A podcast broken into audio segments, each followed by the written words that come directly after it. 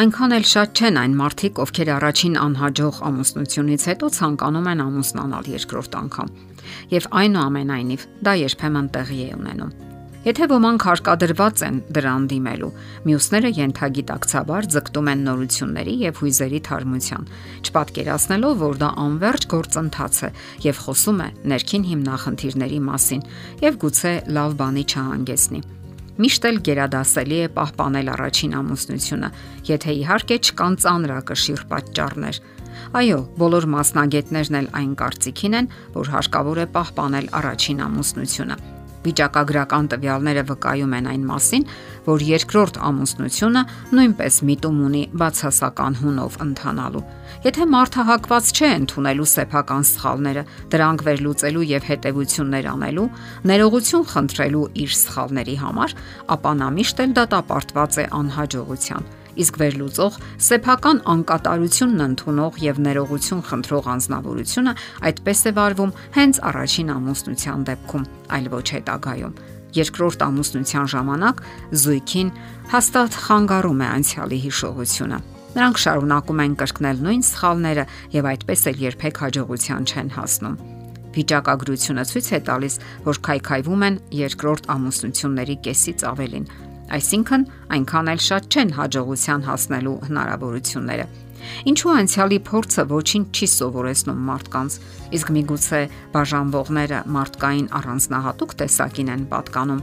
ովքեր չեն գտնում իրենց տեղը եւ հակված են ամեն ինչում դիմացինին մեղադրելու, կամ միգուցե որոշ մարդկանց ընդհանրապես պետք չէ ամուսնանալ։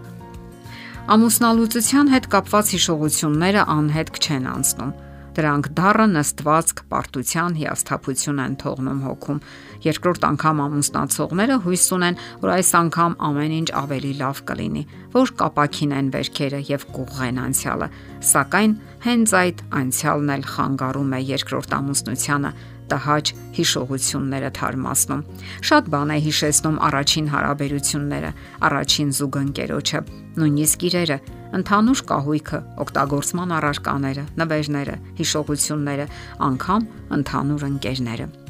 Մասնագետները նշում են նաև, որ երկրորդ ամուսնության համար կարող է գայթակար դառնալ սեռական կյանքը։ Մերց հարաբերություններում փորձառությունը շատ կարևոր է, հատկապես կանանց համար Սեռական հարաբերությունների շնորհիվ մենք սովորում ենք վստահել մեր զգացումներին եւ ընդունել զուգընկերոջը։ Սակայն մեկ զուգընկերոջ հետ երկարատև սեռական հարաբերությունների փորձառությունը ձևավորում է սեռական վարքագծի որոշակի մոդել եւ մեր անգիտակցական սպասումներն ու ակնկալիքները ազդում են հաջորդ միության մերձության վրա։ Կանայք սովորաբար ցավոտ հիշողություններ են պահպանում առաջին ամուսնությունից եւ այնքան էլ հեշտությամբ չեն գնում երկրորդ ամուսնությանը։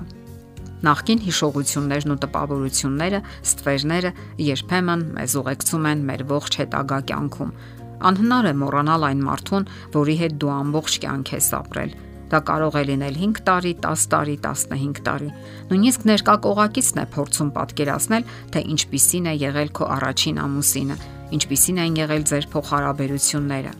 Նկատենք, որ երկրորդ ամուսնության համար հաջողություն չի երաշխավորում նաև առաջին ամուսնության երկար տևողությունը, ոչ էլ երեխաների արկայությունը, Երեխաները նույնիսկ ավելի մեծ հոգեբանական խնդիրներ ու դժվարություններ են ստեղծում եւ դա հարկավոր է միշտ հաշվի առնել, երբ կայացնում եք ճակատագրական որոշումը։